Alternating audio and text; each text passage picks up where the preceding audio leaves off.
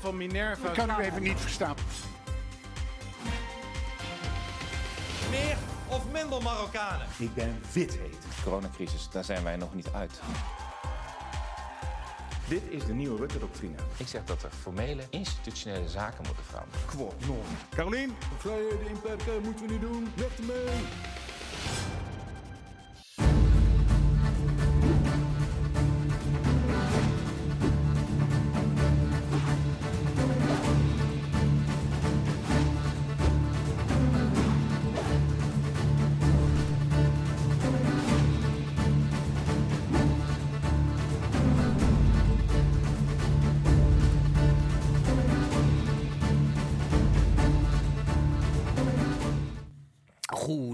Het is 9 uur. Het is schermtijd voor politieke partijen. En vandaag twee gasten uiteraard. Mijn vaste sidekick die u kent als Van Rossum. Maar gewoon, eh, zijn echte naam is Bart Nijman. Goedenavond. Tom, hallo. En onze volgende, eh, of onze laatste gast van onze reguliere uitzending, die kent u allemaal. Hij was al een keer te gast in Chips, Nootjes, Bier. Maar misschien kent u hem nog beter van de hele affaire rondom de toeslagen. Eh, Bart noemt hem altijd de omzichtman, maar hij heet gewoon Pieter Omtzigt. Welkom. Dankjewel. Goedenavond, Tom. Goed dat je er bent. Heel eventjes kort, los van jou. Daarna gaan we het een uur lang over jou en jouw plannen hebben. En dat is over de heer Wilders. Ja, belofte Maanden maakt, eh, belofte maakt geslijmd. schuld. Maar eh, ja, ik zag toevallig gisteravond in het pauwdebat Rutte en Wilders tegenover elkaar... waarin Mark Rutte bij herhaling zei dat Wilders altijd wegliep. En ja, wij moeten concluderen dat hij dat eh, niet alleen bij Nieuwsuur, maar ook bij ons flikt. Hij, ja, ja, Nieuwsuur snap ik nog. Hij zou komen. Hij zou komen. Hij heeft ook beloofd dat hij komt, maar na de verkiezingen. Ja, en Ja. dan eh, zit ik in Frankrijk en eh, is de spanning ook wel een beetje van de race, geloof ik. Dus, Ja, eh, maar hij is wat mij betreft nog steeds welkom. Want ik zou toch heel graag eens een keer wat langer dan, dan drie minuten met Maar hem dit, is wel, praten. dit is wel een dingetje bij deze verkiezingen. We hebben vandaag een brief van Rutte gehad met elf pagina's overtreding van de Belastingdienst. En dan kunnen we pas met hem in debat na de verkiezingen. In een, elke democratie zou dat voor de verkiezingen gebeuren. Rutte heeft eh, publiekelijk gezegd, we gaan na de verkiezingen met z'n allen bij elkaar zitten om een plan voor Nederland te maken. Nou, zouden wij zeggen, we hebben zo'n plan gepresenteerd en als wij daarbij zouden zitten, dan zouden wij wel wat elementen weten.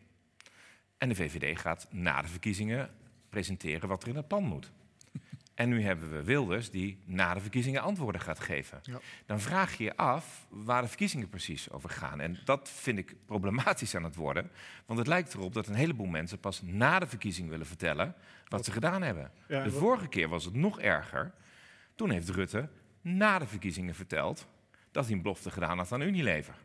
Voor de verkiezingen niet. Dividendbelastingen. De dividend. Voor, nu zegt hij voor de verkiezing, ik doe geen belofte. Maar ik zou hem graag willen vragen, dat heb ik ook aan Tamara van Ark gevraagd. Van, hebben jullie nog een belofte gedaan waar we na de verkiezing achter komen? Ik bedoel, doe het maar voor de verkiezing. Kijk, het klinkt allemaal een beetje flauw wat ik hier zeg, hè? Maar voor de verkiezing moet je je punten op tafel leggen. Dan maken mensen een keuze en dan probeer je zoveel mogelijk van het compromis, als je meeregeert, waar te maken. En als je niet meeregeert, in de oppositie te zeggen, wij wisten het beter en had Ja. je dit maar moeten doen. Maar het lijkt er nu dus op dat een heleboel mensen, Rutte, Wilders, kennelijk dat allemaal na de verkiezingen willen gaan vertellen. Ja, en dat Rutte dan zelfs ook nog een pagina grote advertentie inkoopt. Die wordt omschreven als een brief aan andere partijen. Om toch vooral in deze moeilijke tijden geen beloftes te doen. Dus hij heeft er zelfs een marketingtool van gemaakt om geen beloftes te hoeven doen. En dat is. Dat, Uit zijn mond. nou ja, je ziet de, de, in, nu 17 maart naderbij komt de frustratie ook bij anderen daarover toenemen. Want niemand weet waar partij. Ja, je weet wel waar je, dat Jesse Klaver en GroenLinks het klimaat willen redden, om het maar breed te schetsen. Maar wat ze precies stap voor stap willen doen, dat hoor je niet. En wat de VVD van plan is, je hoort het niet. En ik vind overigens dat het voor het CDA ook een beetje geldt. Want Wopke Hoekstra iedere keer nu doorpakken horen roepen. Dat zijn ook twee woorden waar ik nou niet meteen een heel verhaal eh, achter kan vinden over doorpakken waarheen, waaraan, waarop. Maar goed, dat. eh, Ja, maar als je nou kijkt eh, bijvoorbeeld naar eh, het debat tussen Wilders en Rutte, dat ging drie keer. En daar vallen mensen nogal over, dat ze drie keer daar naar zitten kijken. En dat- toen begreep ik dat jij bij jezelf dacht, dan nodig ik eh, Rutte zelf uit. Nou, ik had liever eh, een rechtstreeks debat met hem gehad over de brief die hij naar de Kamer gestuurd heeft. Ik bedoel, ik blijf op die inhoud. Kijk, ik, je, je noemt net klimaat en, eh, en Wilders zal altijd migratie noemen. Dat zijn toevallig twee problemen waar in Nederland verschillend gedacht wordt over hoe breed ze beleefd worden. Hè? Eh, ehm, maar laat ik eens drie problemen noemen. De coronacrisis, waar eh, bedrijven tientallen miljarden belastinguitstel gekregen hebben, op omvallen staan als ze die belasting onmiddellijk moeten betalen. PvdA zegt trouwens, behalve dat we de belastingvoordelen terugbetalen, gaan de bedrijven 40 miljard extra belasting betalen. Dan weet je zeker dat je grote werkloosheid krijgt. Um, we hebben als tweede probleem de wooncrisis. Ik bedoel, probeer jij hier in Amsterdam maar een betaalbare huur of een betaalbare koopwoning te vinden als je hoofdagent, leraar, wat dan ook bent. Een derde probleem, wat ik belangrijk vind, is de verhouding tussen overheid en burger. En waar gaat het hele verkiezingsdebat over in dit land? Het hele verkiezingsdebat in het land gaat over of Thierry wegloopt bij een, uh, uh, talkshow, bij een talkshow. In dit geval begreep ik over zijn weglopen best. Dus dat, dat terzijde. Maar um, welk televisieprogramma legt nu op tafel van... u heeft allemaal in uw programma staan... nou ja, een miljoen extra woningen bouwen, een ander 900.000... U heeft het trouwens ook allemaal in 2017 gezegd dat het toen ook al een tekort was. Nou, het is de afgelopen vier jaar niet echt gelukt om dat een beetje weg te werken. Wat zijn nou de plannen die daaronder liggen om het te doen? Dat is wat ik in Nederland in de publieke discussie mis. Dat is een heel normale vraag in een normaal democratisch proces. En hier vallen we dus in de groef. Wie liep er in 2012 weg uit het katshuis? Ja, die heb ik al een paar keer gehoord hoor. Ja, je weet, ze gaan drie keer met elkaar in debat. En het was net alsof ze het opdelen in blokjes van... nou, we, we doen eerst 2010 tot 2015, dan 2015. ja, ja, Weet je, zo lijkt het een beetje. Maar je, je, je ziet dat ook met... Uh, dat, het niet, dat er geen beloftes gedaan worden. Dat het, dus het beleid hobbelt een beetje achter de actuele situatie aan. En ze kunnen niet veel verder kijken. Dat is ook iets wat jij in je in je boek aanhaalt en wat veel vaker gehoord wordt, is dat er zo verschrikkelijk veel voorlichters rondlopen in Den Haag en zo weinig denkers en denktankers, dat, dat je bijvoorbeeld ook in zo'n coronacrisis, dan zie je dat het op een gegeven moment wordt het gewoon een, uh, een pandemiebestrijding via woordvoering en via spinlijnen, omdat dat een beetje de patronen zijn, de groeven zijn waar partijen in gevallen zijn. En dat daarachter ja, lijkt... De, de, even voor, de coronacrisis is de grote uitzondering en ik kom er zo even op terug. Um, ik beschrijf in dat boek en dat heb ik bijna uit frustratie geschreven, omdat je nergens kunt toelichten wat je wilt. Ik bedoel, soms, um, soms moet je um, uh, in 30 seconden aangeven hoe je die rechtsstaat gaat repareren. Nou, als het in 30 seconden kon, dan had Rutte het al lang gedaan. Samen met. Ja, echt waar. Als de problemen hier in 30 seconden op te lossen waren, ook, ook met de woningen, dan zit er echt geen onwil bij Kaisha Longeren om te zeggen, nou, als het zo kan, dan doen we het zo. Weet je, het zijn complexe problemen, ook die rechtsstaat dat probeer ik hiermee uh, ja, in ieder geval een voorstel te doen van hoe kun je dat een klein beetje, uh, hoe kun je dat weer recht krijgen? Over dat boek. Hier heb ik hem. Ja. daar gaan we het straks nog heel uitgebreid over hebben. Vooral oh, Bart, die heeft elk letter ervan gelezen. dus die gaat je daar nog even goed over bevragen. Alle typfouten die ik gemaakt heb. alle typo's, alle taalfouten komen er zo meteen. Maar uh, heel even, ik wil heel even kort nog eventjes naar jou in, in de partij. Want zeker de afgelopen vier jaar heb je wel naam gemaakt. Dan komt er zo'n lijsttrekkersverkiezing. Mhm. En dan uh, verlies je nipt. Maar dat betekent, hè, dat zegt een politicus dan ook... dat heel veel mensen toch wel achter je stonden. Echter, de, ik wil het niet ombudspolitiek noemen, want dat is, dat is een woord van Richard de Bos. Maar uh, hoe jij, uh, wij mogen je en jij zeggen, uh, politiek bedrijft, is niet zoals het CDA de afgelopen jaren politiek heeft bedreven. Dat is toch altijd wel een beetje een regeringspartij. Als het even kan, dan schuiven we aan en dan gooien we best wat principes overboord. Herken je je daarin? Nee. Nee, hoezo niet? ik heb niet voor niks. Ja, fijn dat jullie dat mooie adviesje van mijn boek uh, neergangen hebben. Maar ik heb niet voor niets een adviesje wat teruggaat naar de jaren 40 van de KVP. En ik moet zeggen, ook toen, waren, ook, toen hadden ook de Sociaaldemocraten en ook de Liberalen mooie adviesjes. De Liberalen over tussen de kliffen van de problemen van communisme en, en fascisme doorzeilen. Of de uh, of de sociaaldemocraten die het nog echt hadden over verheffingsidealen. Van hoe zorg je ervoor dat je weer materiële zekerheden voor mensen krijgt. Iets wat ze nu opnieuw zouden kunnen doen. Want in de afgelopen twintig jaar zijn we van een paar duizend mensen naar 160.000 mensen bij de voedselbanken gegaan. Ja. Die materiële noden zijn er nog steeds. En die zijn niet minder dan ze 50 jaar geleden waren. Als je alle koopkrachtplaatjes gelooft, zouden we nu in een soort hemel zijn. Want we zouden echt 70 jaar vooruitgang gehad hebben. Als u bij de voedselbanken gaat vragen of aan mensen met een contract die hier nu rondrijden um, bij thuisbezorg.nl, want die mogen na 9 uur wel de straat op, dan kun je niet zeggen dat ze er veel beter aan toe zijn dan hun voorgangers 40 jaar geleden. Dus die, um, die uitgangspunten zijn er nog steeds. En uh, de partij die ik vertegenwoordig, het CDA, is ooit opgezet ook uit dat emancipatie-ideaal om op te komen, om als schild voor de zwakken te zijn, maar op te komen voor gezinnen. Dat is een behoorlijke focus op gezinnen, dat snap je. En dat is nog relevant als altijd. En als daar een probleem is bij gezinnen, dan los je dat probleem op. En ik vind het raar dat dat als populistisch weggezet Nou, wordt. of weggezet wordt als niet van het CDA. Dat is de oorsprong. En misschien zijn we dat wel eens een klein beetje vergeten. Oké. Als je dat bedoelt. Maar het is wel de, eh, het wezenskenmerk waarom de partij ooit opgericht is. En waarom heeft iedereen dan toch het gevoel, beste Pieter, dat jij een andere bent in, eh, bij het CDA? Dat jij wel voor ze opkomt? Waarom heerst dat, overheerst dat gevoel toch altijd? Dat jij oprechter overkomt dan een jankende Maxime Verharen of zo'n congres. Nou, Dan noem je wel twee uitersten. Ja, ja, ik wil het wel Dat zeggen wij maar niet.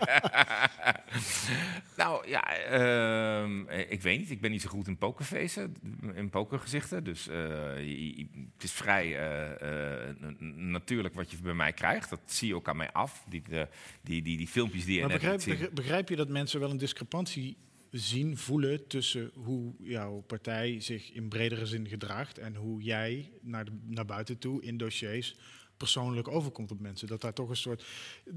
Laat ik het anders zeggen. Het CDA is toch onderdeel van wat Baudet treffend het partijkartel noemt. Ja. Het is een regeerpartij die heel lang, heel vaak, heel veel geregeerd heeft in heel veel coalities, deze eeuw, vorige eeuw.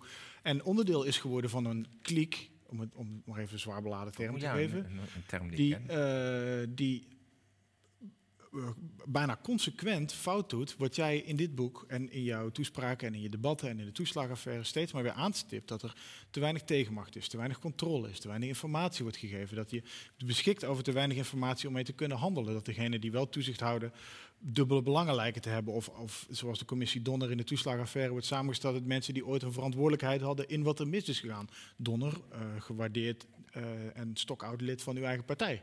Ik zeg nu ineens u. Jezus, Van, Bart, je eigen, het van, je eigen, van, jou, van jouw partij. Maar ik bedoel, dus het is natuurlijk geen rare vraag om, om je af te vragen waarom sommige mensen jou, of veel mensen jou, als iets anders zien dan een CDA. En zich ook afvragen wat jij daar nog doet, of je daar wel thuis hoort, of dat wel een beetje jouw club is. Nou, ik heb dit binnen het CDA kunnen doen. Eh, dat is één. Twee, eh, kijk ook naar de commissie Bosman. Die zegt, jongen, al die Kamerleden zitten tekort. Jullie hebben mij de eerste negen jaar niet zo vaak gezien. Niet omdat geen stijl of vergelijkbare sites niet bestonden. Maar omdat het jaren kost om te begrijpen hoe je de regering goed controleert. En ik ben eigenlijk al ver over al mijn eh, statutaire termijnen bij het CDA. En moet iedere keer uitzonderingen en briefjes vragen dat ze me nog op de lijst zetten. Nou ja, leuk. Ehm, Maar ze kunnen niet om je heen ook, natuurlijk. nou, ze hebben me er netjes op gezet. Ehm, maar kijk, d- dit is een vak. Ik vind, ik vind het heel interessant dat iedereen doet alsof IC-verpleegkundige is een vak. En de reden dat we niet meer IC-bedden hebben, is niet omdat we niet meer bedden hebben. Die bedden kunnen we binnen een paar weken regelen. Oké, maar oké, maar dan draai ik hem om. Dan, is, dan vragen mensen zich misschien af waarom is Pieter Omtzigt zoveel beter in zijn vak dan die anderen. Nou, omdat ik daar veel tijd voor gehad heb. Ehm, je kent al die theorieën over de vlieguren. Je hebt vaak 10.000 uur nodig om een vak te leren. En dat, dat, dat geldt voor muzici nog veel meer. Voor sportmensen. Eh, de Beatles hebben tien jaar moeten spelen voordat ze ergens, ergens in Liverpool, voordat ze iets konden. En wij denken dat als wij op 17 maart een Tweede Kamer kiezen, dat de nieuwe Kamerleden op 18 maart die zijn volwaardig Kamerlid. Hè? De stem geldt even zwaar. Of, je nou een, of, of je nou Gadisha Riep of Geert Wilders heet. Want Geert Wilders is natuurlijk degene die het langst al bivakkeert in de, op het Binnenhof. Maar die, eh, ehm, eh, het is een, een, een- best wel lastig vak. Natuurlijk. En eh, de, de wijze en de, de regering controleren is iets belangrijks. Nou, ik heb wat ervaring opgeschreven, ook wat ik de afgelopen jaren gedaan heb.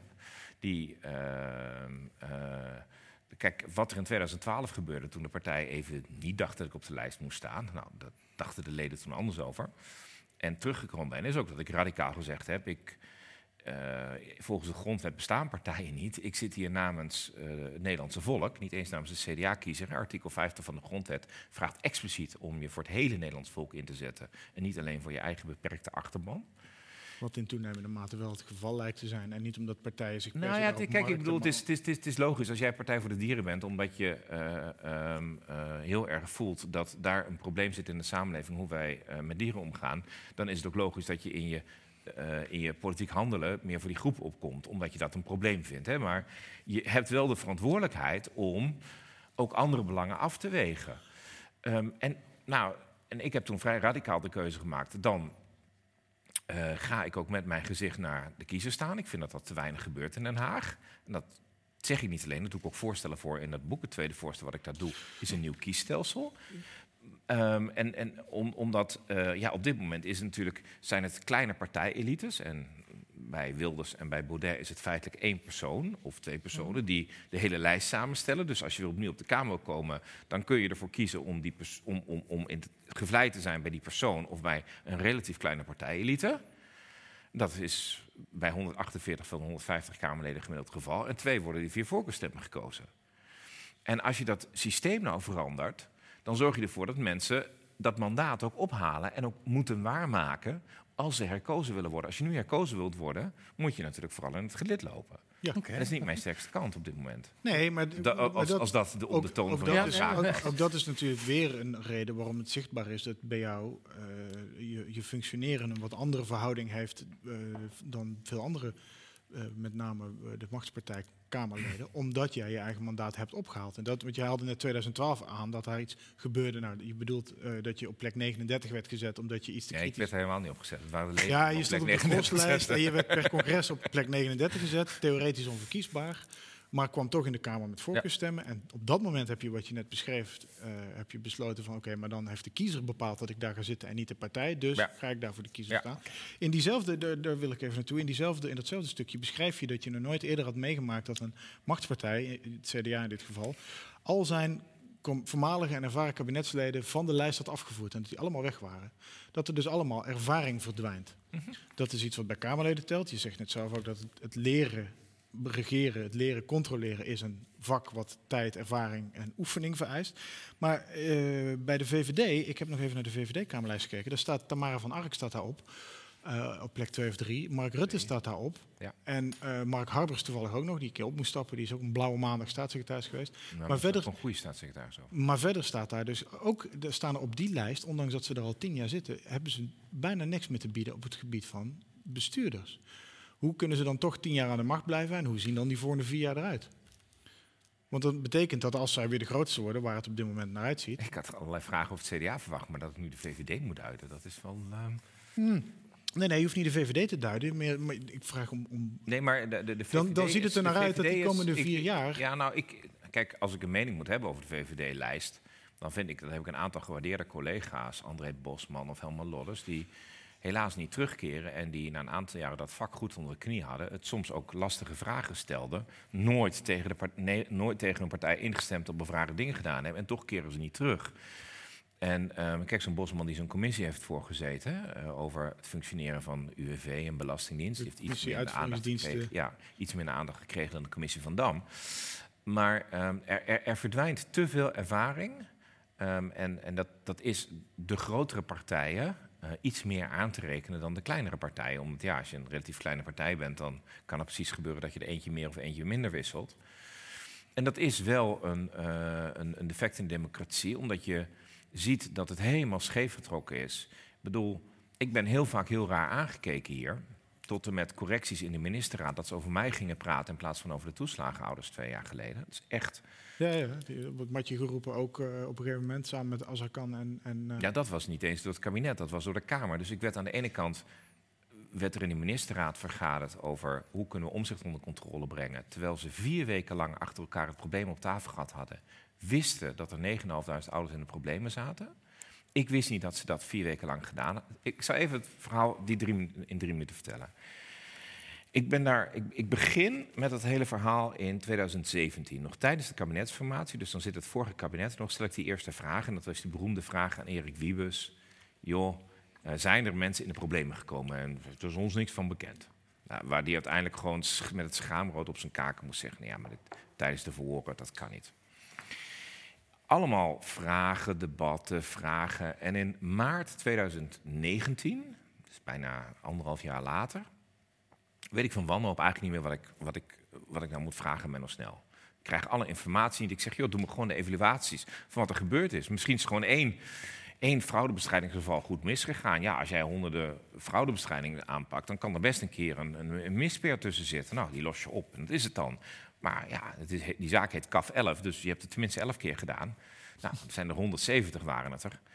En alles werd gedaan om die evaluatieformulieren niet naar mij te sturen. Dus nu zeggen ze allemaal, je mag de e-mails niet zien. Nee, ik snap dat ik niet elke dag elke e-mails tussen twee ambtenaren moet lezen. Dat is niet interessant. Maar wanneer er officiële evaluatierapporten gemaakt worden, ja, eh, wie dus? Die behoren openbaar Maar te zijn. die kreeg ik niet. En toen zei ik uit wanhoop tegen Menno van ja, weet je, alles goed en wel, je gaat gewoon met die ouders praten. Eh Renske en ik eh, hadden die mensen verteld, ze zaten allemaal op de tribune. Nou, Menno dacht, nou dat is een, op zich, als het maar één eis van Oh, is is vandaag, dat te moment doen. dat hij zei, ze kunnen de belastingtelefoon bellen. Ja, Ja, ja, het. Nou, ik zei, nee, u gaat met ze praten. Toen heeft hij een ambtenaar, een, een, een, een, een, een, een hele goede ambtenaar die niks mee te maken had, gezegd van ga eens uitzoeken. Want ja, ik wil natuurlijk geen eh, goede staatssecretaris die denkt, ja, ik wil dat niet eerst weten. Dus eerst moet iemand anders met die ouders gaan praten, een topambtenaar. En een andere ambtenaar moet even uitzoeken wat er nou precies gebeurd is die niet bij de zaak betrokken is. Want hij dacht natuurlijk anderhalf jaar, er zal iets zitten met die omzicht, want ik voel me niet goed geïnformeerd. Die ambtenaar kwam terug met een verhaal van, nou, het zit helemaal mis. En toen blak de pleuris uit en is er een crisisorganisatie opgezet. En dat werd niet aan de Kamer meegedeeld. Dus in juni 2019, wanneer hij die ouders moet ontmoeten... het moet één keer uitgesteld worden omdat hij het per ongeluk op, ehm, op eh, het suikerfeest gepland had. Nou, dat moest een keertje uitgesteld worden. Dan ontmoet hij die ouders, maar ondertussen is er een hele crisisorganisatie opgetuigd. Want de top van de Belastingdienst heeft door, oh, dit gaat over duizenden mensen. Oh, ze worden de huizen uitgezet, oh, wat dan ook. Dan gaat hij naar het kabinet en zegt: Ik wil nu compensatie voor de ouders. Nou, dat wordt ergens geblokkeerd en hoe weten we nog niet. En dan begrijpt het kabinet: we moeten het er echt over hebben, want hier is iets heel erg misgegaan. Dan zitten ze elke week te vergaderen in juni 2019. Dat vertellen ze ons niet. Ik zit daar en denk: wat gebeurt hier? Dus ik ga in de eerste week van het zomerreces van juli 2019 naar de NOS. En ik zeg: Ik wil alles vertellen. En de NOS zegt, het is goed. Ik zeg, dus één, één, één deal. Jullie zenden alles uit wat ik zeg. En stel me elke vraag en ik zal ook nog aardige dingen over Rutte zeggen. Nou, prima. dus ik leg het hele verhaal uit hoe die ouders in de klem gekomen zijn. En de, eind, de slotvraag is, eh, nou, eh, moet Rutte... Hij zegt, tuurlijk, Rutte moet zich hier nu mee bemoeien. Nou, dat wordt het nieuws. De rest wordt weggesneden, tegen de afspraak in. Wat ik nog steeds zeg, de NOS zegt, als jullie toen helemaal uitgezonden hadden... dan had de rest van Nederland kunnen zien waarom ik dit zei. Want ik heb het jullie helemaal uitgelegd. Dat is op 10 juli wordt dat uitgezonden. Op 12 juli vergadert het kabinet, blijkt later, met pagina's lang... hoe houden we coalitiekamerleden onder controle? Nou, dat hebben ze dus over mij. En op 12 juli wordt Rutte dus in de persconferentie... na afloop van de ministerraad gevraagd van... ja, moet u zich ermee bemoeien? Nee, niks aan de hand. Eh, meneer Snel, ze weten alles. En dat is nu die onderzoeken. En die stukken, die komen pas de dag na het aftreden van het kabinet naar buiten. Dus nu pas weten we wat die volgorde was. En het erge is dat ze het over mij hebben, anytime. Als je niet genoemd wordt, heb je echt een probleem in Den Haag. doe het bij de koffieautomaat, doe het niet in de ministerraad, zou ik zo zeggen. Hè? Maar het erge is dat datgene wat ze moesten doen in juni 2019, Dat was- namelijk acuut de invordering stopzetten bij die ouders, dat je niet onmiddellijk oplost. Dat wisten we toen ook wel dat dat niet binnen een week zou lukken. Maar erken, Maar Dat was ook- stop dat was ook die het probleem. incasso's. En dat deden ze pas in november, toen ik het samen met overigens VVD-Kamerlid Helma Lodders en de Renske Leider van de SP vroeg in de motie. Dus al die invorderingen uit huisplaatsingen, uit huiszettingen, afpakken van auto's, lopen nog maanden door, terwijl het hele kabinet weet wat er aan de hand is. En nu krijgen we vandaag dus die ellenlange brief van nou, we hebben nog een heel aantal dingen waar de Belastingdienst zich niet aan de wet gehouden heeft. En dat is best lang. Ja, er is nog rechtelijke uitspraak uit 2019 die we nog niet geïmplementeerd hebben. Pardon? Pardon? ja. Dus twee jaar lang weet je dat het niet mag en ga je gewoon door. Het gaat hier over spookbewoning. Dus als iemand per ongeluk blijft ingeschreven, wat er dan met je toeslagpartner gebeurt. Nou, dan kun je je hele huurtoeslag verliezen. Dat is vrij dramatisch. Nou, die wordt kennelijk niet uitgevoerd. Horen we nu vlak voor de verkiezingen. We kunnen het debat er niet over aangaan. En dat is, als je het onderzoekt. En de reden dat ik dat boek geschreven heb, is om het allemaal achter elkaar te zetten. Wat er gebeurd is. Dus eerst van hoe faalt het toezicht van de Tweede Kamer? Wij krijgen de informatie niet. We maken de wetten ook niet goed genoeg, zeg ik er maar bij. Maar de regering, wanneer ze het weten, doen ze niks. De Belastingdienst, wanneer ze het weten, doen ze niks. De ombudsman weet het, zegt herstel het.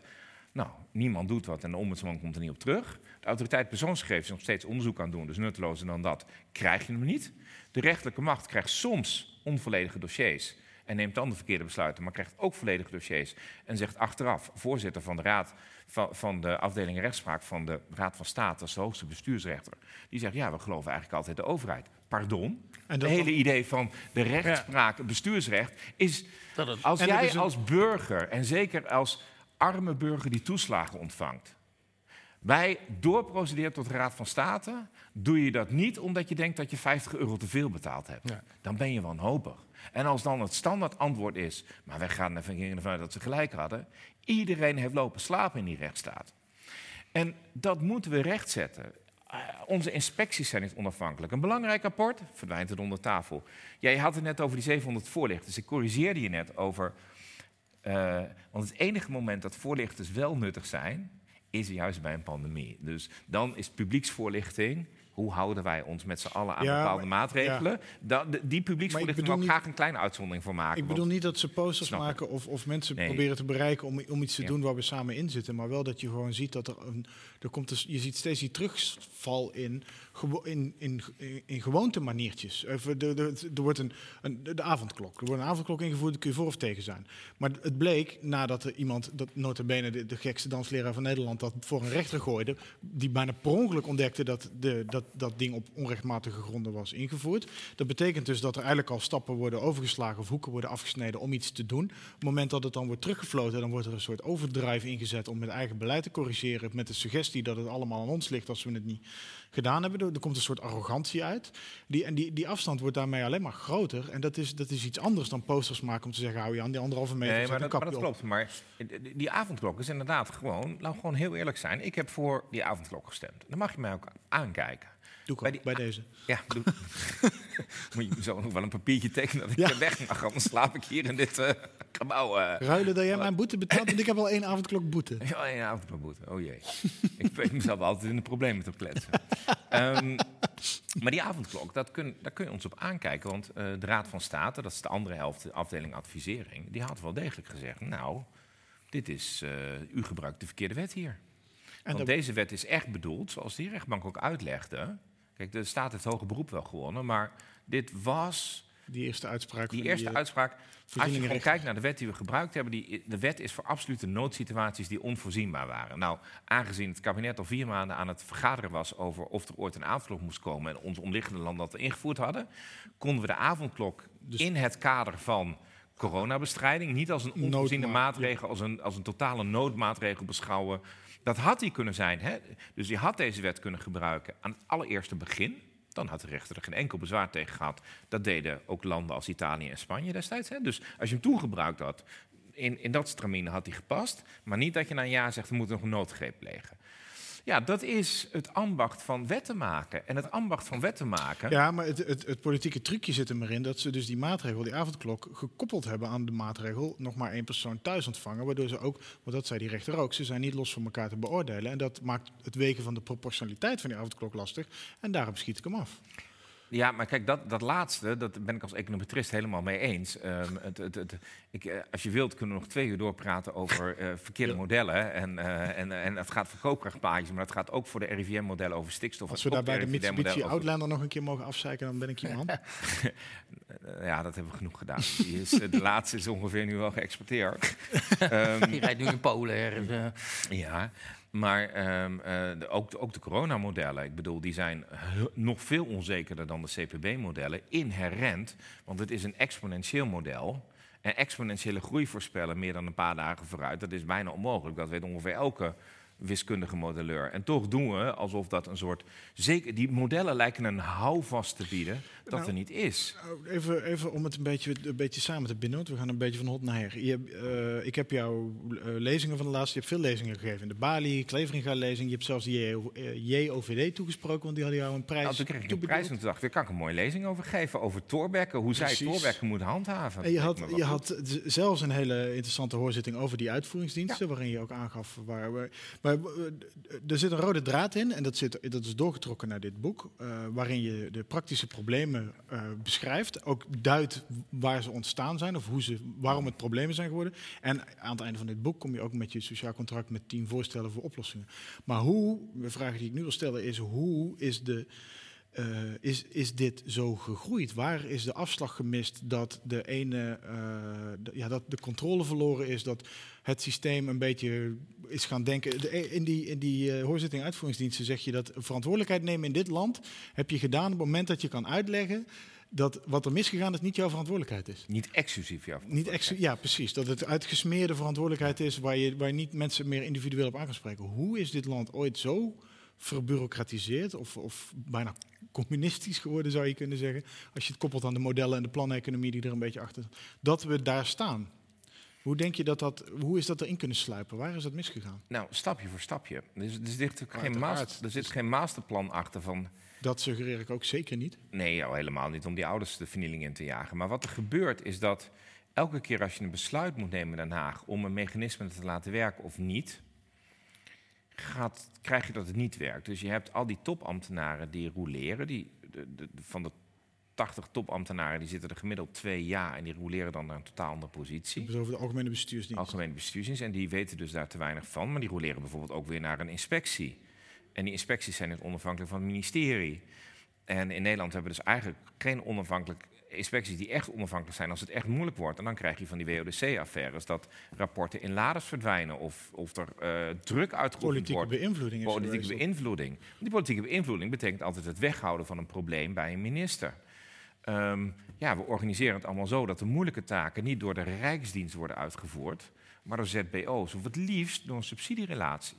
Want als het door een subsidieinstelling gebeurt, dan kan de minister altijd zeggen: ja, Dat is dat daar ga ik niet over. staatsruif eh, uit de staatsruif Ja, maar kijk- in de eh, maatschappelijk Ja, middenveld. dat zijn twee dingen. Aan de ene kant heb je de moeilijke klusjes, die laat je vooral doen door iemand die niet rechtstreeks bij een dienst is. De reden dat we de Belastingdiensten goed kunnen controleren, is natuurlijk omdat de Belastingdienst is ongeveer de enige dienst die je niet op afstand kunt zetten. Ja, in de tijd van, van, van eh, rond het jaar nul had je natuurlijk tollenaars en trouwens ook rond 1848 nog. In de tijd van Thorbecke kon je ook nog de belasting privatiseren, maar dat doen we toch, toch, toch net niet. Maar bijna alle andere dingen kunnen we hop op afstand. Die zijn privaatrechtelijke instellingen, daar gaat de minister niet over. Als je de minister van Spoor hoort over wat de, de, de, de, ZBO en dan, dan, dan hoe ze verantwoordelijk is voor het spoor, dan contractrelatie hier, opdrachtgeverschap daar, maar niet verantwoordelijk als het helemaal in de, in de soep loopt. Heel knap geregeld. Dit- En dit gaat tot aan, tot aan eh, Dit- dit- dus alles- gevangenissen zijn zelfs al geprivatiseerd. hè. Nou, die we net niet, want dat hebben ze in Engeland vooral gedaan. Maar kijk, je, je organiseert het weg. En, voor een, en eh, in Nederland hebben we ook een groot informeel circuit. Kijk, ik zou... Ja, Minerva. eh, ja, ja, ja ik, ben, ik ben natuurlijk te veel lang in het buitenland geweest om tot dat circuit te horen. Kijk, nu heb je mijn frustratie te pakken. Dat is nee, nee, joh, nee joh, van die Europese Universiteit Instituut waar ik ge- ge- gepromoveerd ben, dat eh, de andere jongens die daar studeerden, eentje is daar nu de directeur en eentje de onderdirecteur van het Centraal Planbureau van de modellen die ik onder vuur neem. Dus ik, de, de, de- maar kijk, je, Je schetst natuurlijk wel een klein beetje nu eh, jou als buitenstaander in, het, in, in Den Haag als Ja. een beetje de buitenstaander, terwijl jouw huidige partijleider en vele anderen in Den Haag, maar eh, Wopke Hoekstra is natuurlijk letterlijk van studentenvereniging Minerva. Ja. Eh, heeft bij McKinsey gezeten, een Ja. eh, niet per se onomstreden heel groot accountantskantoor, wat in dit lijntje past en is nu partijleider van het CDA. Dus zit in dat Old Boys Network gedachte, waarin een eh, ja, nou, vriendjespolitiek of nepotisme op de loer liggen. Nou, wacht even. Ik zou even Ik- bij, ik- bij, bij Hoekstra even ik- twee dingen willen scheiden. Hij zit wel in, in dat netwerk. Ehm, maar goed, je hebt in Ik- Nederland, ik behoef- je hebt in Nederland eliteopleidingen daarvan. Maar je, je gebruikt nu het woord nepotisme, waar ik nog even... Ik heb nog geen affaire bij Hoekstra Nee, gezien... ja. waar je hem zou kunnen betichten van. Nee, dus even heel probeer- voorzichtig welke ik- twee dingen je hier uit elkaar Ja, haalt. ik probeer, Eh, ik probeer Hoekstra hier ook nergens van te beschuldigen. Ik probeer alleen dat beeld te schetsen van een old boys netwerk, wat veel mensen zien of menen te zien en wat dit land een beetje lijkt te regeren. Steeds kleinere kring mensen die steeds meer te zeggen hebben en elkaar vrij goed kennen. Eh Kajsa Ollengren, minister van Binnenlandse Zaken, zat eh, tien jaar geleden al eh, op AZ als, als, als hoogste ambtenaar van Rutte, et cetera. Dat, het, het kent elkaar al lang, al goed. En het lijken steeds minder mensen te worden die steeds meer te zeggen Ja. hebben. Dat bedoel ik te zeggen. Ja. Dat, is, dat is zonder meteen een, een misdaad of een, of een kwade bedoeling maar eraan te koppelen. dat- maar maar juist in die omgeving, en ik verwijs ook naar onderzoek dat ik gedaan heb naar de bankencrisis in IJsland en naar Malta. En daar speelt dat erger, omdat dat allebei landen zijn met minder dan een half miljoen inwoners. Dus dat zijn gewoon steden van, van de omvang Den Haag. En eh, nou ja, dan heb je natuurlijk nog meer van ons kent ons. Hè. Wij hebben tenminste, behalve dat je in Leiden kunt studeren, kun je ook in Groningen, eh, hè, daar hebben we ook studentenverenigingen zitten. Daar heb je vaak maar één echte universiteit. Ehm, en juist in zo'n omgeving heb je eh, formele macht en tegenmacht harder nodig. En gaat het niet alleen om hoe het op papier geregeld is? Want ik zag in Malta dat alles op papier best wel goed geregeld was. In Nederland ook. Ja, nou ja, in Nederland niet altijd hoor, want ehm, we hebben geen grondwettelijk hof. Ja. Ehm, het Punt kiesstelsel- 1, punt 1 van je oplossingenlijstje. Ja, dat is de eerste van de af- oplossing. Ja, dus we hebben wel, kijk, heel- we hebben een heel mooi land. We hebben een vlag, we hebben een grondwet, Volkslied, we hebben een volkslied en we hebben een taal. En we houden het Nou, met de buiten. vlag kunnen wij jaren debatteren of we dat ding wel of niet in het lands vergaderzaal moeten ophangen. Nou, heel raar dat we er lang over doen. We hebben nog steeds niet geregeld dat je één couplet van het volkslied op school zou moeten leren. Ja. De, rest van, de rest van het land, eh, de wereld, die lacht zich erop. Ja, Buma is iets te vroeg naar Leeuwarden vertrokken om dat er doorheen te krijgen. Ja, ja jongens. Maar, nee, maar eh, de grondwet eh, zien we als een mooi symbool. Artikel 1, iedereen is gelijk. Maar het is de enige wet waarvoor je niet naar de rechter kunt stappen om hem afgedwongen te krijgen. En onze taal moeten we over debatteren of die wel van belang is dat dat de centrale taal aan universiteiten in principe zou moeten zijn. Jongens, als je een land bent en je hebt je symbolen, enige gematigde vorm van ze gebruiken is volstrekt normaal in elk land ter Ze wereld. zijn zelfs bijna besmet geraakt. Dus dan zijn we weer met een klein boogje bij de eerder genoemde linkse partijen die ooit Ja, hier, volk... kijk, dat komt hierdoor, hè? Ja, West-Indische Compagnie, Ja, hè? ja, ja, in De- deze- de oneindige schuldgevoel dat ons aangepraat moet worden. Ja, voel je die druk op je schouders in deze ruimte? Dat echt het koloniale verleden in deze zaal... We zitten in, eh, we zitten in het Ja, ik, ik voel de hele dag allerlei druk en al jarenlang, maar deze, Die- deze nee, erfzonde... nee, bij mij ik ben katholiek genoeg om die erfzonde rustig ja. van mij te laten Ja, ja, ik, heb, ik, heb, ik, heb, ik heb ook een katholieke achtergrond. Je kan alles fout en je loopt naar de kerk. Je zegt eh, drie keer eh, sorry Maria en je gooit een kwartje in het bakje en je kan weer opnieuw beginnen. Ik vat het niet helemaal goed samen, maar ik ben Nee, ook niet helemaal, ben ook maar- niet praktiserend gelovig. Of überhaupt. Jij? Maar eh. Nou zijn we de lijn. Nou ben ik mijn lijn kwijt. Ja, oh ja, goed. ik wilde met een boog terug naar, die, naar, die, naar de links, eerder genoemde linkse partijen. Je had het over posters er straks, dat ze een mooie poster hadden over de volksverheffing en de materiële zaken beschikbaar stellen voor Ja. iedereen. Allemaal een T-fort, maar dan de, een DAF. Eh, die partijen die zijn dus verdwaald in juist een beetje dat identitaire denken. En het, het is bijna een, een Nederlands vlaggetje achter je naam zetten of, of ergens projecteren op onze poster staat die. Zelfs wij zitten er al grappen over te maken van, joh, waarom heeft schermtijd eigenlijk een Nederlandse vlag op de poster? Het zijn Nederlandse verkiezingen. Ja, dus eigenlijk, wa- zelfs dus onbewust ga je zelf al een beetje denken van, ja, daar is iets mee. Maar dat, dat, Nee, dat is... Ja, dat, dat, is dus heel raar. Is, wil, nee, wil sterker ik nog, wij zeggen. kunnen, wij kunnen leren van landen als, eh, als? Duitsland en Italië. Waar- Ik heb in Italië gewoond. Nee, want eh, die landen hebben natuurlijk een verschrikkelijke fascistische geschiedenis. Maar in 1945, toen ze zich opnieuw opgericht hebben, hebben ze onafhankelijke instituties gebouwd. En het Openbaar Ministerie in Duitsland en in eh, Italië is echt onafhankelijk.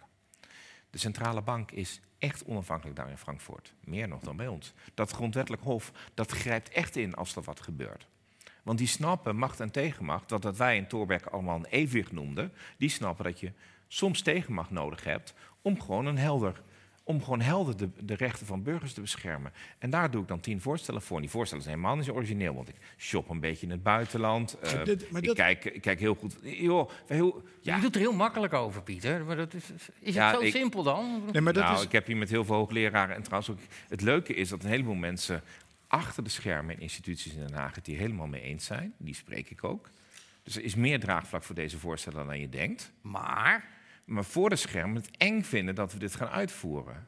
Maar soms zie je dan iemand doorbreken. Hè? Remkes met zijn, eh, met zijn eh, commissie, die komt wel met een grondwettelijk hof. Die komt wel met een hervorming Ja. van het kiesstelsel. Ik heb een wat andere hervorming van het kiesstelsel. Ik denk echt dat deze beter is. Maar als je mensen echt vraagt, wanneer ze vrij zijn van politieke druk... wat moeten we nu doen om dit land ehm, rechtsstatelijk te maken... Dan komen we er wel uit.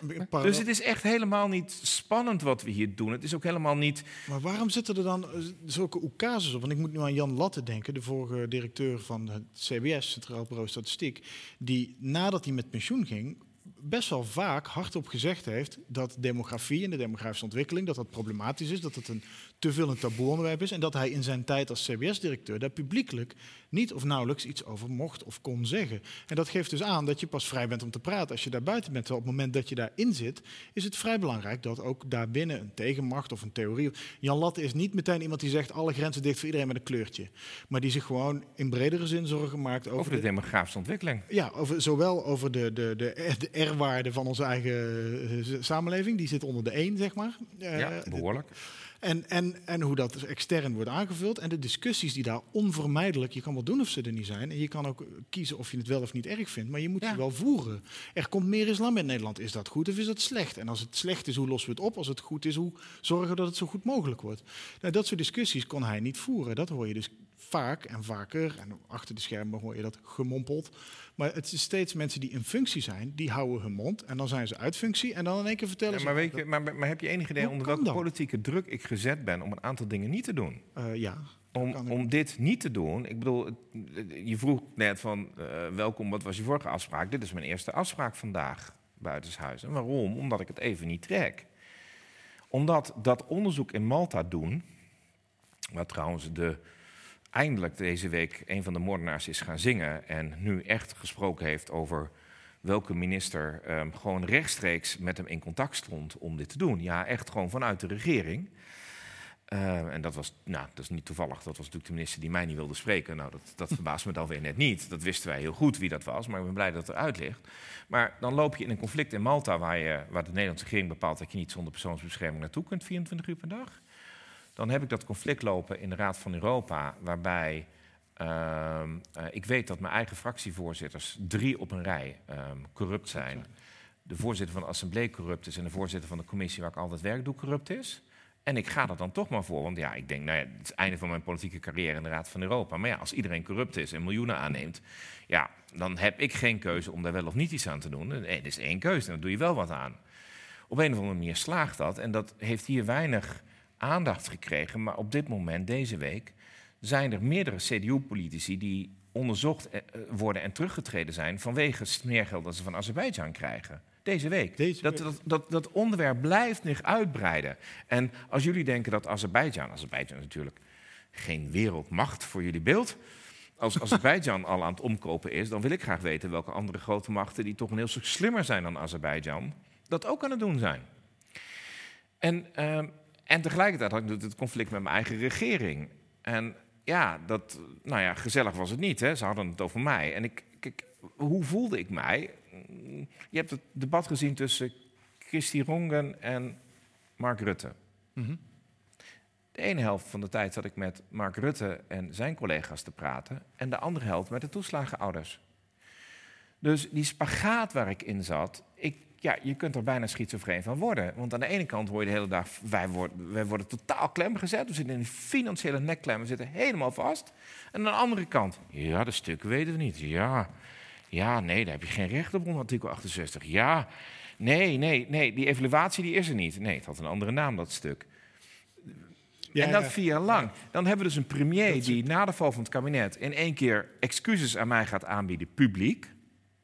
Ja, maar Dat was een heel, dat Ja, was een dat heel ik- ongemakkelijk moment in dat debat waarin, waarin Rutte inderdaad zei van ik ga nu excuses maken aan de heer Omtzigt. En dat, jij- dat hij uitgebreid excuses maakte en dat jij alleen maar zei, ja leuk, maar dat, dat was niet wat ik vroeg. Ja. ja. Maar ik, kijk, ex- excuses maak je op het moment dat je het hele dossier naar buiten gooit wat er misgegaan is. En mijn inschatting is hier dat we nog maar een heel klein gedeelte gezien hebben. Het was, een, het was, een, het was een, een, een wanhoopspoging in de hoop dat je de excuses dankbaar zou aanvaarden en weer even zou gaan zitten. In plaats van een vervolgvraag stellen. Zo kwam het op Nou, mij dat over. was dan wel een ijdele hoop dat had hij van tevoren Ja, dat- weten. Maar Ja, natuurlijk, dat maar het was gewoon even- het zelf was- niet? Dat dat eh, een beetje nep excuses waren? Nee, de ja, nee dat, dat vind ik een lastig, lastige vraag. Eh, eh, laat ik zo zeggen. Voor het eerst is het kabinet slachtoffer geworden van zijn eigen totale rotzooi in de informatievoorziening. Dus dan heb je Mark Rutte die zegt van ja, nee, ja, ik heb klein ministerie, ik hou geen notulen bij van de vergaderingen die ik hou. Pardon?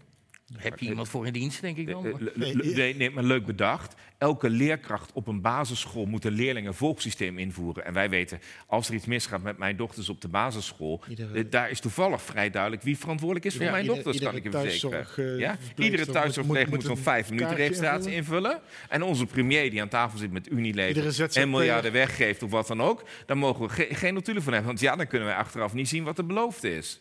Maar dat is geen land waarin ik wil zitten. Daarom zit ik zo met die Rutte-doctrine, daar wil ik van af.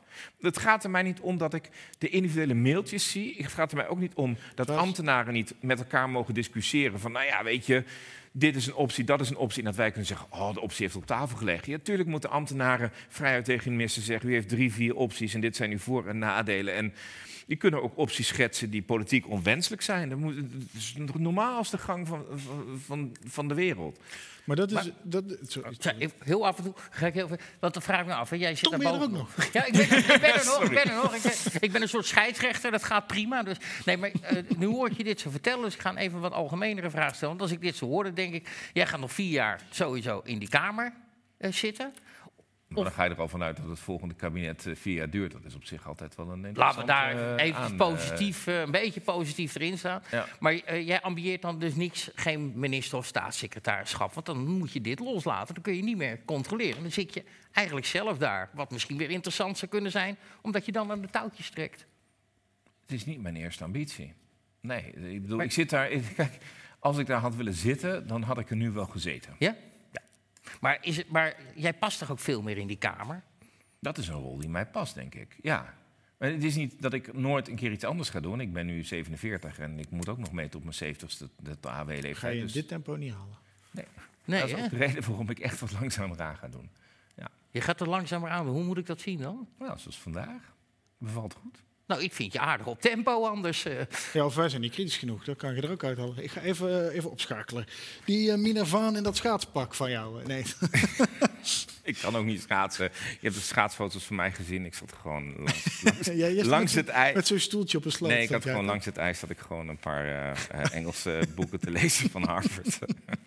en mijn dochter stond op de schaatsen. Snap jij dat... ehm, in, in, je, in je boek las ik eh, dat je eigenlijk een beetje van boven naar... Je bent van boven naar beneden gaan kijken wat er mis is. Ja. Je hebt gezien hoe op een hele grote schaal, EU, Europa, Raad van Europa, dingen mis kunnen gaan omdat de banden heel ver liggen en omdat het makkelijk is om een envelopje onder tafel te schuiven in een organisatie waar de burger nauwelijks naar kijkt. Laat staan democratische controle op heeft. Mm, Vervolgens verdaal je een even- even- verdieping- Onderschat even niet. Voor de landen die geen lid zijn van de EU... is de Raad van Europa een heel relevante institutie. Oh ja, nee, ik, wil niet, ik probeer niet het belang van Oh, het nee, instituut te ja, ondermijnen, maar meer dat er geen, niet zoveel toezicht is. Dat nee, makkelijker niet. is om corruptie te verbergen in een instituut waar niemand, niemand op let. Hoe belangrijk het ook is. Dat geldt voor de EU ook namelijk. Niemand kijkt naar de EU en toch wordt bijna alles daar besloten. Er is, veel te weinig, er is te weinig aandacht voor. Maar je bent van boven naar beneden een beetje die trap leeg gaan vegen. Op een gegeven moment kom je, of in ieder geval gaan afgelopen. En je komt in Malta uit. Daar los je, laten we het maar mooi in suspense termen zeggen. Je lost een politieke moord op en, je, en de regering stapt op. Ik maak het nu wat... eh, Nee, nu, nu overdrijf je ook. rooskleuriger dan het is misschien. Maar eh, het heeft wel degelijk geholpen natuurlijk wat je daar uitgezocht hebt. Om vervolgens in je eigen land erachter te komen dat de mechanismes, de systematiekjes, eigenlijk precies hetzelfde zijn. Ja. En dat dat dus... eh, en, snap je dan eigenlijk dat als je hier een overheid aantreft die haar eigen bevolking, haar eigen burgers lijkt te wantrouwen, snap je dan ook dat dat, dat op een gegeven moment eh, enorm omkeert en dat het wantrouwen van de bevolking groot is, groter wordt en, en, en in sommige gevallen zelfs bijna beangstigende vormen begint aan te nemen? Ja, maar dat heeft... eh, kijk, je kunt daar de boodschappen de schuld van geven. Dat wordt bijna altijd gedaan. Dat is eh, welkom. Ik eh, neem die zonde graag op mij. Dus eh rugzak is groot zat, kom maar. Maar lees dan ook de rapporten van de ombudsman. Lees de rapporten van Herman Tjenk Willink, die vicevoorzitter van de Ik Raad. bedoel dat de waarschuwingen wel liggen. De waarschuwingen liggen er al tien jaar. En wat deze ombudsman zegt, eh Reinier van Zutphen... Maar Klaas, Klaas Dijkhoff zat hier laatst en die zei, ja, de Rutte-doctrine, dat is een term die is ergens in december verzonnen door een gewaardeerd coalitiekamerlid. Nou, dat, eh, ik ben blij dat ik gewaardeerd word dan. Maar ehm, die term die komt uit het rapport van eh, eh, de commissie van Dam. En die komt uit Mhm. een sms'je van de ambtenaren van Rutte zelf. Oh, dat laatste wist ik nog niet eens. Dat Ja, is grappig. Dus ehm, hij is niet door mij bedacht. De ambtenaren van Rutte hanteren de Rutte-doctrine over Rutte. Dus daarom vonden wij dit wel wat anders dan dat ik een leuke term bedenk. Oh, en dat grappig. weet Klaas Dijkhoff ook, want Klaas Dijkhoff leest al zijn stukken heel Nou erg goed. En dit schrijft, ook hele, schrijft boeken die langer zijn dan de boeken die ik schrijf. Dus Daarom hij staan die ook van jou hij hoger dan die van hem natuurlijk.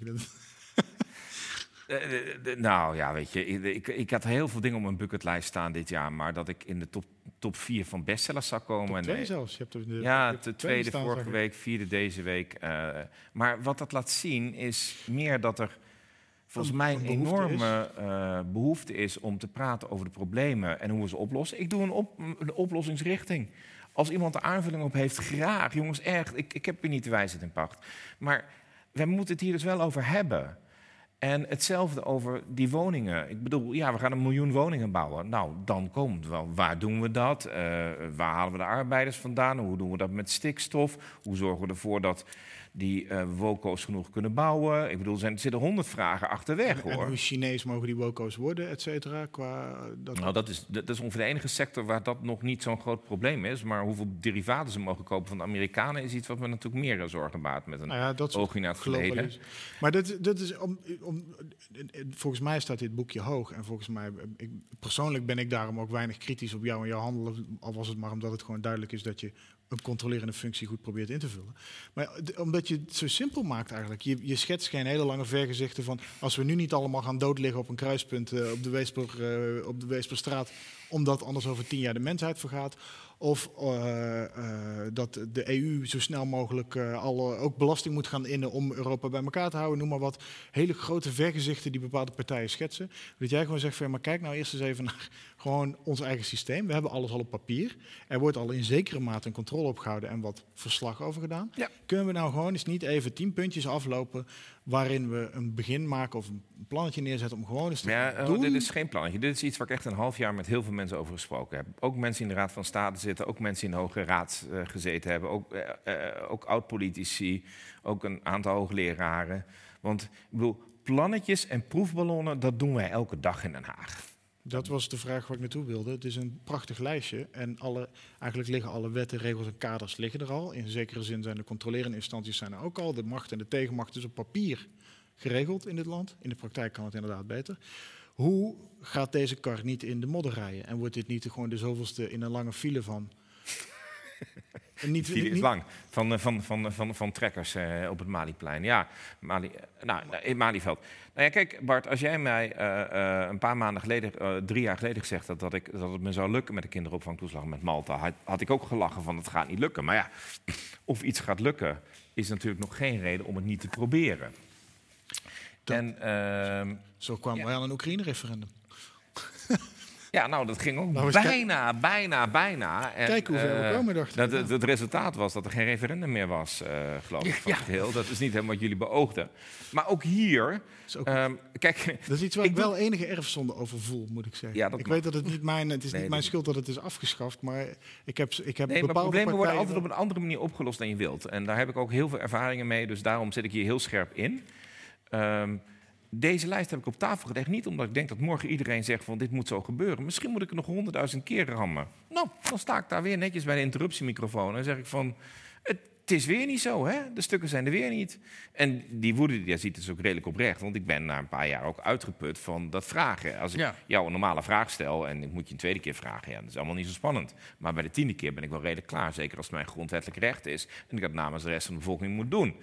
Ook hier, ik heb het niet opgeschreven, zoals in Den Haag de hele dag gebeurt... wetende dat het kabinet het morgen besluit. Hè, Dat hebben we wel eens de Jette-doctrine genoemd in de coalitie. Die heb je wel zelf verzonnen. Ja, die hebben we wel zelf verzonnen. Dan werd het door de coalitie afgesproken. En dan wist iedereen En het. dan En dan ging iemand het, het eisen op televisie. Kijk, dat Ja. doet overigens niet alleen Rob Jetten. Er zijn tientallen mensen die het doen, ook in onze partij. Dus even, even afgezien van wie, wie daar schuldig aan is. Dit is niet onder die doctrine geschreven. Dit is niet geschreven van dit gaat gebeuren. Laat ik nou zeggen, dan kan ik zeggen, daar staat omzicht op. Hier zit heel veel weerstand in. Want je zit aan de gevestigde macht. Je zit massief aan gevestigde belangen. Maar ja, op een andere manier kunnen we het niet oplossen. En laat ik zo zeggen, ik zie best wel hoopvolle tekenen. Het feit dat binnen de rechterlijke macht en ook binnen de, ehm, ehm, eh, zeg maar de, de, de justitie in Nederland, eh, advocaten, juristen, alles, er echt een behoorlijke discussie op gang gekomen is, is winst. Daar is er overigens meer discussie op gang gekomen dan tussen, eh, bij de journalistiek in Nederland, waar ook best wel een discussie op gang zou mogen komen. Ja, maar, En in ja. de Tweede Kamer heb God, ik maar gezegd, nou die over- discussie doen we...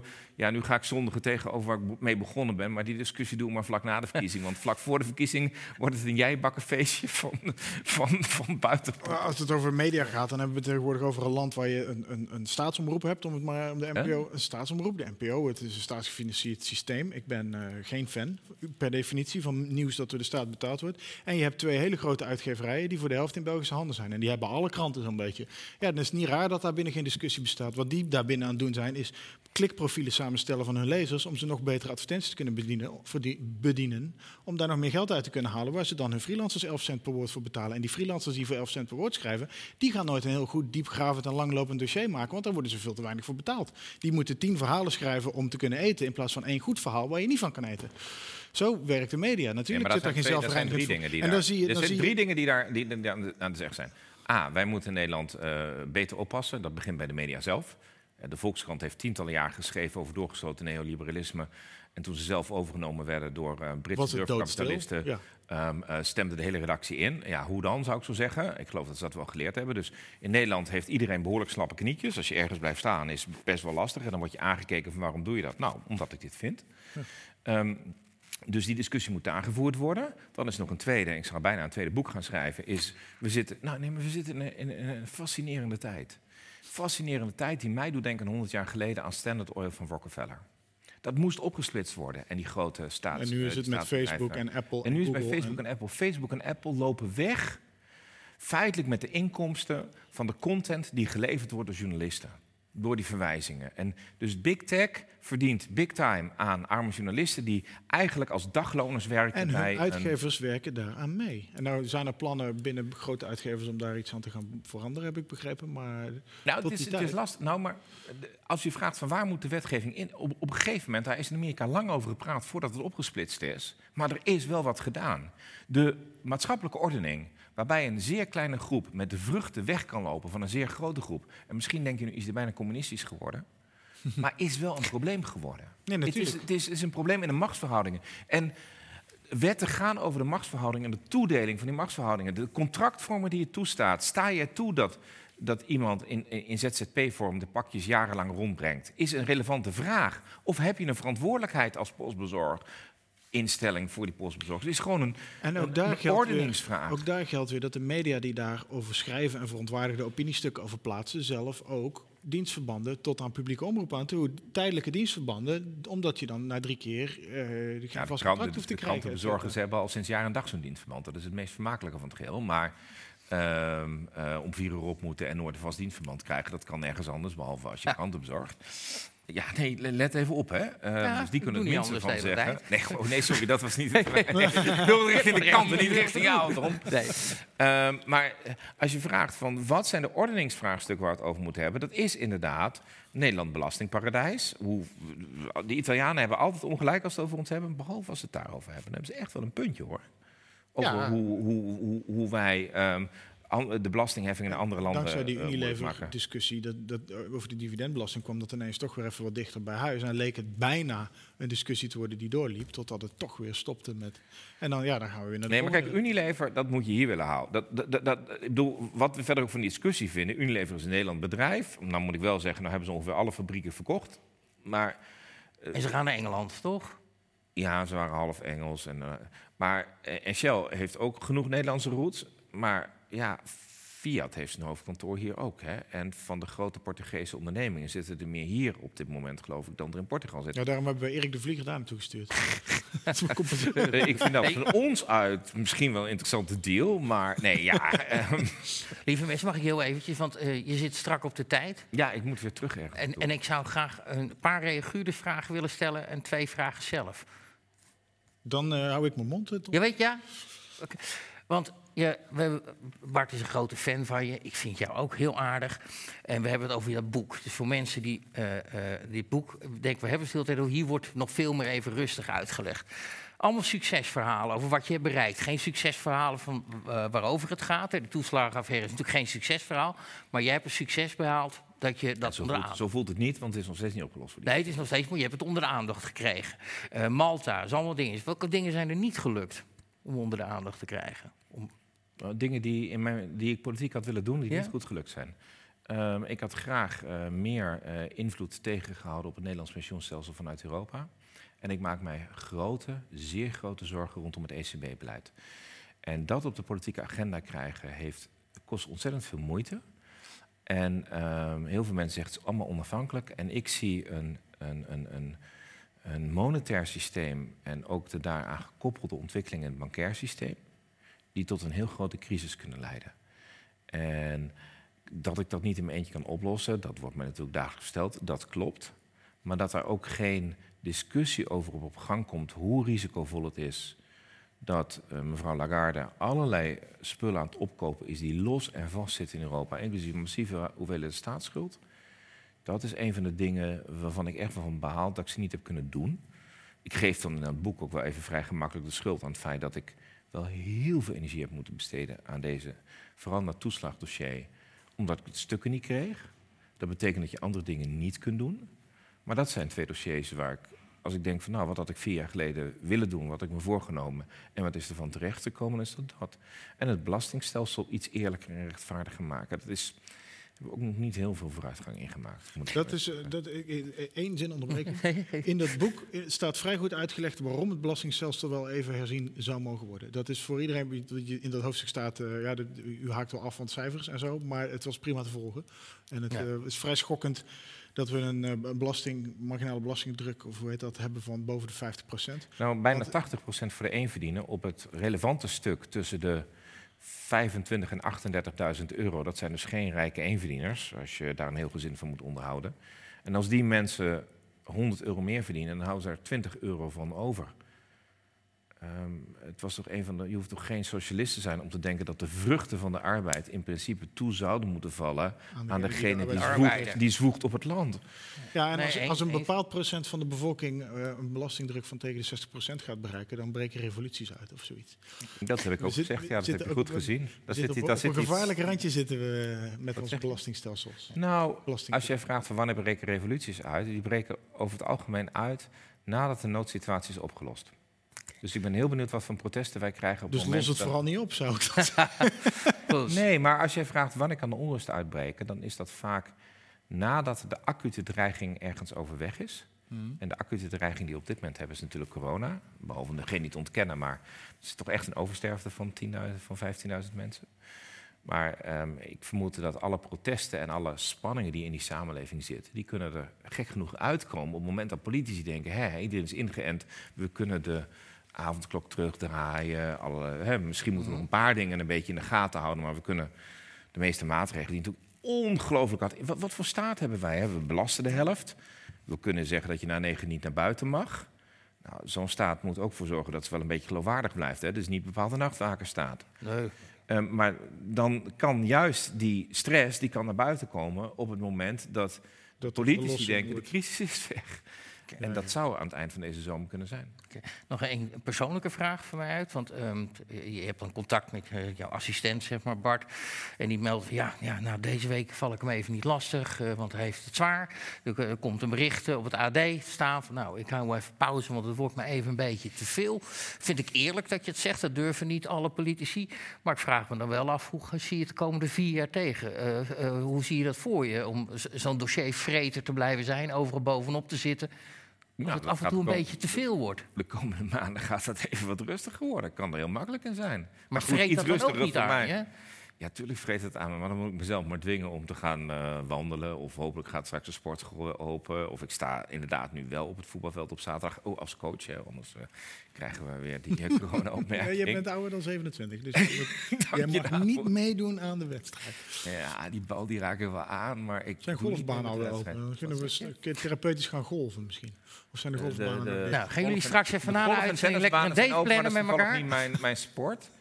Eh, Maar ik zou met mijn dochter mee kunnen naar de... eh, de andere dochter zit op de padelbaan. Dat is zo'n mix tussen tennis en... eh, wat is het? Lacrosse. squash. Ja, Ja, dan moet je oh zo ja, in ik het ken het. Nederland, Ja, ja. Maar ehm, ik, ik, ik wil het even wat rustiger doen. En dus heb ik ook één afspraak vandaag en één morgen. En betekent dat ik een heleboel dingen niet doe. En eigenlijk bevalt me dat best heel Ja, goed. en ik hoop, ik hoop ook dat je dat lukt. Want aan de ene kant denk ik, jij kan het bijna niet laten liggen. Als je dingen Het ziet. kost heel veel moeite, dat moet ik zeggen. Maar ik weet gewoon voor mezelf en ook voor mijn eigen gezin dat het gewoon prettig is dat ik het zo doe. En ja, wat, wat vooral zeer doet is mijn e-mailbox. Want daar zitten heel veel mensen. Ja, nee, ja, Oh, nee. daar- ik mails je niet om. nee. Nou, niet de mails van, ja, ik wil wel op je stemmen, maar dan moet u... Nou, en dan volgt er één van de Ja, zes ja, ja, partijen ja. bedenken... dan moet u daar naartoe overstappen. Maar meer de mails van mensen die elk kastje en elke muur gezien hebben... en zeggen, meneer Omzicht, u bent mijn laatste hoop... want ik word het huis uitgezet. Want ik, dat zijn de dingen die pijn doen. Nee, die andere dingen, ja, weet je... Als je daar niet tegen kunt, dan... eh, Helemaal goed. We hadden drie reaguurdersvragen. Omwille van de tijd kies ik er twee wat kortere uit. Ja. Eh, de eentje is van Sitting Target. Hè. Eh, meneer Omtzigt, dat is natuurlijk al aardig. Dat is een vrij simpele vraag, met misschien een lang antwoord. Maar waarom stemt u voor de avondklok en voor het vaccinatiepaspoort en waarom niet tegen? Ehm, de avondklok is een eh, groot noodzakelijk kwaad om ehm, corona niet verder uit de klauwen te laten lopen. Ik denk dat de regering dat eh, niet altijd goed ehm, uitgelegd heeft ehm, in welke ehm, afweging tussen de maatregelen ze genomen hebben. Want ze zeiden het is de eerste die eraf gaat en dat was het niet. Maar we vinden het belangrijker dat de basisscholen open kunnen. Wat natuurlijk ook tot een bepaalde stijging in het aantal besmettingen zal leiden. Dan die avondklok. Waarom ik, ik zit, in mijn fractie zit ik aan de strakke kant rond corona. En misschien heeft dat te maken met het feit dat ik zelf al heel vroeg, eh, mijn vorige baan voordat ik in Nederland was, was aan de Universiteit van Verrees, in het centrum van Lombardije, waar het helemaal misging. Ja. En ik heb gezien wat er kan gebeuren als het helemaal uit de hand loopt. En daar- daar belden die collega's ook over op. En om dat te vermijden is het een groot noodzakelijk kwaad. Ehm, en ehm, eh, het is niet per ongeluk dat eh, bij die avondklok dezelfde amendementen zijn doorgevoerd als de amendementen die ik op de Brexit-wet gedaan had. Namelijk, je mag hem alleen verlengen als de Kamer instemming verleent. Je mag eh, toch een bepaalde mate van democratische controle erop. Want dit is, ja, ik vond het heel leuk dat wij in Nederland de discussie over de ingrijpen van de grondwetten hadden toen we een mondkapje op moesten. Waarvan ik denk, stel je niet aan, doe maar om. Maar dit is natuurlijk een echt grove ingreep in je Nogal. burgerrecht. Ja, dat is de, geen twijfel over mogelijk. De tweede was het vaccinatiepaspoort. Ehm, dat is geen vaccinatiepaspoort, dat is een bewijs dat je ofwel gevaccineerd bent, ofwel dat je ehm, eh, de laatste 48 uur een eh, test ondergaan hebt waarbij je een negatieve testuitslag hebt. Ehm, daar wordt nu naar gekeken of die ingevoerd kan worden. Daar heb ik inderdaad mee ingestemd. En dat heeft te maken met het feit dat. Ehm, we weten sowieso dat die ingevoerd gaat worden. Dus eh, de, de, als jij straks op vakantie wil naar bepaalde gebieden in Zuid-Europa, die zullen echt eh, heel simpel zeggen. Net als jij naar, naar bepaalde Afrikaanse landen gaat, eh, geen gele koord inenting is niet naar binnen. Hè. Dus even voor de helderheid, daar hebben we het altijd geaccepteerd. En hier doen we in één keer alsof het niet kan. Dus ik. Ja, maar grensoverschrijdend reizen is toch nog iets anders dan naar de buurtkroeg op de hoek natuurlijk. Ja. Ja, en daar moeten we goed naar kijken. Maar in, in, in, in, in hoe krijgen we die samenleving weer open? Degene die het ziet, weet dus niet of je gevaccineerd bent, dan wel een sneltest eh, ondergaan hebt. En die sneltesten die komen nu ook beschikbaar. Maar als jij wilt dat je bijeenkomsten hebt waar je zeker weet dat mensen niet eh, eh, besmet zijn, zodat je niet een, een, een, mass spreading event krijgt, dan is dit waarschijnlijk een van de dingen die zou kunnen helpen. Is dit, met, is dit iets omdat ik leuk vind? Nee, eh, totaal niet. Maar als de keuze is tussen wel bijeenkomsten kunnen organiseren binnen de beperkingen zonder dat onze IC's weer helemaal vol lopen en trouwens ook weer heel veel mensen sterven. En vergeet niet, de lange termijn effecten van corona zijn bij enig 10.000 Nederlanders behoorlijk fors. Er is een hele grote meerderheid die er op zich weinig last van heeft wanneer het geweest is. Maar we weten niet precies hoe groot de groep is, maar je zou tot 10% kunnen zijn. Houdt daar vrij langdurig gezondheidsschade aan over. Het is dus niet. eh, Ja, ik ken er, ik ken er één met long covid, dat, ziet er, dat is niet fijn. Nee, het is dus. De, de, de, de, nou ja, kijk, het interessante is, en dat is wat ik jullie positie, zeg maar, als geen stel zo interessant vind. We hebben aan de ene kant hebben we, en dat mis ik in het politieke debat, hè. We hebben aan de ene kant hebben we Thierry Boudet, die ongeveer, eh, en dan vooral Wiebren van Haga, die corona ontkent en zegt er moeten geen maatregelen zijn. We hebben een hele grote groep partijen die eigenlijk ongeveer hetzelfde zeggen over de maatregelen die nodig zijn. Maar eh, in andere landen is er een wat groter politiek debat, eh, zeker van de oppositie, die wel erkent dat corona een probleem is en het aantal doden wat erbij is, maar een alternatief set maatregelen voorstelt.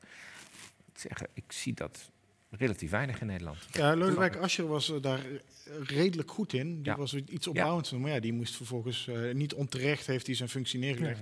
Maar Heeft hij heel netjes gedaan overigens. ja, nee, eh, geen, geen klachten daarover. Maar ik bedoel, het, is, het was voor het coronadebat was hij wel een best aardige tegendenker. Ik vind dat Wilders ook zijn kritieken zijn goed. Alleen er volgt dan vervolgens meestal geen alternatief. Nee, en dat is, dat is, kijk, het minste wat je kunt doen als ik een boek blijft- geschreven heb. Ik kan, ik kan zeuren over de Belastingdienst en geloof mij, dat kan ik nog honderd jaar doen. Maar ik ben, ik ben aan mijn stand verplicht om met voorstellen te komen als je daar 17 jaar in die Kamer zit, Eens. om het op een andere manier te doen. Ik doe het op dit dossier en ik hoop ook dat andere politie op een ander dossier doen. Ik erger me kapot. En als ik nou één ding hoop de komende week, is dat ik in een inhoudelijk debat zou zien. Ja, sorry, misschien zit ik in een totaal fictieve wereld eh, waar, waar ik altijd gelijk krijg. Maar dat er een debat plaatsvindt met drie of vier politieke leiders die doorgevraagd worden over hoe komen die woningen daar nou? Zet ze Of hier wat neer. kunt u hier doen? Of, of hoe gaan we ervoor zorgen dat na corona de onderwijsachterstanden... Hè, dat, is, dat is misschien meer D66 en wij meer de MKB-dingen. Het zijn allebei grote problemen. Hoe worden die ingelopen? Want dat we ze willen inlopen, zeggen we natuurlijk allemaal. Maar hoe? En waarom zeg ik dat? Omdat in Nederland bijvoorbeeld het leesonderwijs dramatisch verslechterd is. Iedereen heeft in zijn programma staan, er moet beter leesonderwijs komen. Maar niemand ja. Toeledoki, wie zegt dat je slechte leesonderwijs wilt hebben? Ja. Maar als jij een, een, een, een, een, een, een informatiemaatschappij hebt, een informatiesamenleving hebt... en een kwart van de 16-jarigen is functioneel analfabeet... dat betekent wel dat je simpele teksten kunt begrijpen... maar geen lange moeilijke teksten, brieven van de Belastingdienst bijvoorbeeld... ja, dan heb je een probleem. En voor dat soort problemen zijn de oplossingen vaak taai. Maar als we het daar niet over hebben en we gaan het hebben van wie loopt er met wie wanneer weg, wie gaat het met wie doen, gaan we het, eh, dan missen we de essentie van de politieke keuzes die wij wel degelijk in het land maken. Dat is onder andere waarom je dat boek hebt geschreven. Even Laatste tussendoor voor, jou, voor jouw reisschema. Het is nu tien over tien. Dan moet ik over twee minuten moeten ophouden. Dan doen we één vraagje nog. Ja. En die is van Hans Jansen 2. Eén is er niet meer, helaas. Eh, wat mij nog altijd dwars zit, is dat u het dossier van MH17 had losgelaten. Kunt u daar wat uitleg over geven? Of moest u van uw partij of coalitie stoppen met het verder te onderzoeken? Ehm, ik merkte dat toen dat gebeurd was. En ik moet zeggen, het NRC heeft daar op een rare manier op geopereerd. Eh, dat is wat te lang voor twee minuten. Mhm. Dat ik in de weg zat van dat dossier. Dus als je zelf een onderdeel wordt van de discussie ehm, over eh, hoe vindt die berechting plaats, wat zeg je? Over een ingewikkelde Nee, maar als de discussie niet meer gaat over hoe zorg je dat de mensen berecht worden, maar de discussie gaat over jou, dan is het mijn ding, daar ben ik niet belangrijk genoeg voor om dan niet een stap terug te doen. Maar Ik heb- Sorry. Ja? Nee, nee, ga verder. En dat heb ik toen gedaan. Ja. Maar het is nooit, hè, dat hoor je natuurlijk wel eens, dat, het, eh, dat, eh, dat Rutte je vervelend vond, het er dichtbij vond komen. En die zei van, nou, die heb ik liever niet meer er. Nou, dan zou je de complottheorie aanhangen dat Rutte de stukjes van het NRC schrijft. En ik zie Rutte voor veel dingen in staat, maar Nee, daar trekt hij... eh, nee, nee jongens, echt. eh, laten we even, ja, ik bedoel... Nee, want uiteindelijk een- kwam er na dat NRC-stuk, eerst was je de gebeten hond... en daarna moest men die keutel weer intrekken... en eigenlijk zeggen dat je niks had misdaan. Wat ze nooit helemaal gedaan hebben. Maar dat is inderdaad... Dat is, dat is nog wat we anders wat we helemaal gedaan hebben. Maar dan moet je rechtszaken gaan voeren. En ik, ook, ik heb wel geleerd van eh, eh, op een gegeven moment, eh, soms zit het even een dag tegen. Dan kun je daarin zitten en jezelf als slachtoffer zien. Dat ben ik helemaal niet. Ik bedoel, dat zijn die nabestaanden. En dan niet, het, het deed wel wat, eh, ja... ehm, Nee, duidelijk, dankjewel. Succes. Eh, bij hoeveel zetels eh, is het succesvol geweest, de campagne? Ehm, ik, heb geen, eh, ik, heb, ik, ik ben niet bij de, bij de afdeling verkoop van Unilever. Dat is iemand anders. En daar hadden ze targets. En wij, bij mij is politiek succesvol als ik mijn doelen behaal. Wauw. En die doelen die zitten in om dit waar te maken. En eh, om, eh, om ook te gaan nadenken. En ik heb, heb ik nu beloofd om een ander boek te gaan schrijven. Ben ik stom geweest? Om ook... Mm, half, half. half We kunnen je eraan houden. Ja, als jullie me er al aan kunnen houden. maar dat zijn de idealen waarvoor ik zit. En eh, eh, ja, daarvoor ben ik de politiek ingegaan. En daarom was ook dat antwoord over plus of geen plus. Dat is nooit een doel op zich. Ook dat niet. Maar het zal, eh, je zal wel nog even, even grinniken als het, als het onverhoopt gebeurt... dat je straks toch stiekem meer stemmen trekt dan de nummer 1 op de kieslijst. Want die kans is niet ondenkbaar.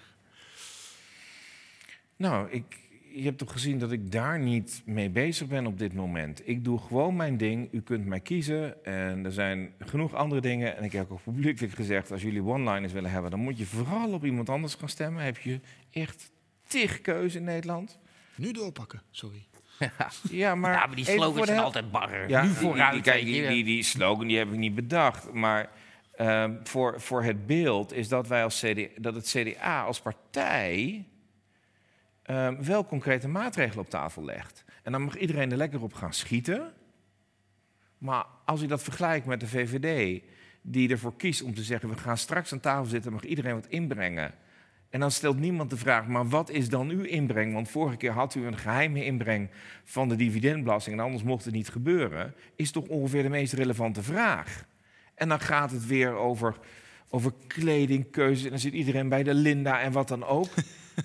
Kom on!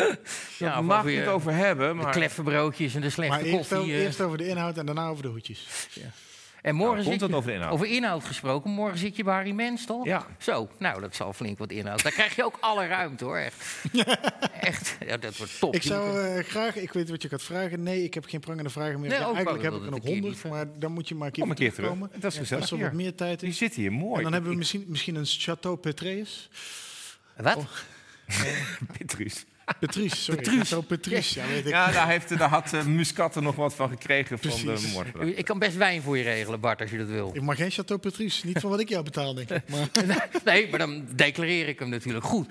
Iedereen klaar? Helemaal goed. Eh, dan richt ik even het woord tot u. Dit boek, daar ging het heel lang over. En die, dat boek is dus van Pieter Omtzigt. Het, een nieuw sociaal contract. Wou bijna zeggen het sociaal contract. We geven er drie weg. En die zijn eigenlijk, eigenlijk al vergeven aan de drie leukste vragen die we hadden eh, van de reaguurders. Eh, alleen ik heb er één niet genoemd. Dus eh, re- lieve reaguurders, reaguurder ZOMG, Sitting Target en Hans Jansen 2. Meld u even bij de redactiemail met uw ge- gegevens en we sturen dat boek op. Nieuwe boeken. Het lijkt een soort Eus Boekenclub wel, dit jongens. Echt, eh, over, Sylvana had ooit ook een boekenprogramma. Ja, ja, eh, Kaft Maar- heette dat. Dat Ja. ging omdat dat het enige was van een boek wat ze ooit gelezen had. Echt, eh, maar goed, dit boek is van Pim Fortuyn. Er zijn meerdere boeken van Pim Fortuyn. Eh, kijk even op onze zogenaamde Second Post. Daar zijn ze opnieuw te bestellen. Alle boeken van Pim Fortuyn zijn weer uitgebracht. Dan richt Nee, ik nog... alleen die. De rest komt Oh, nog. Maar de, rest komt nog, sorry. Maar eh, u kunt ze kopen.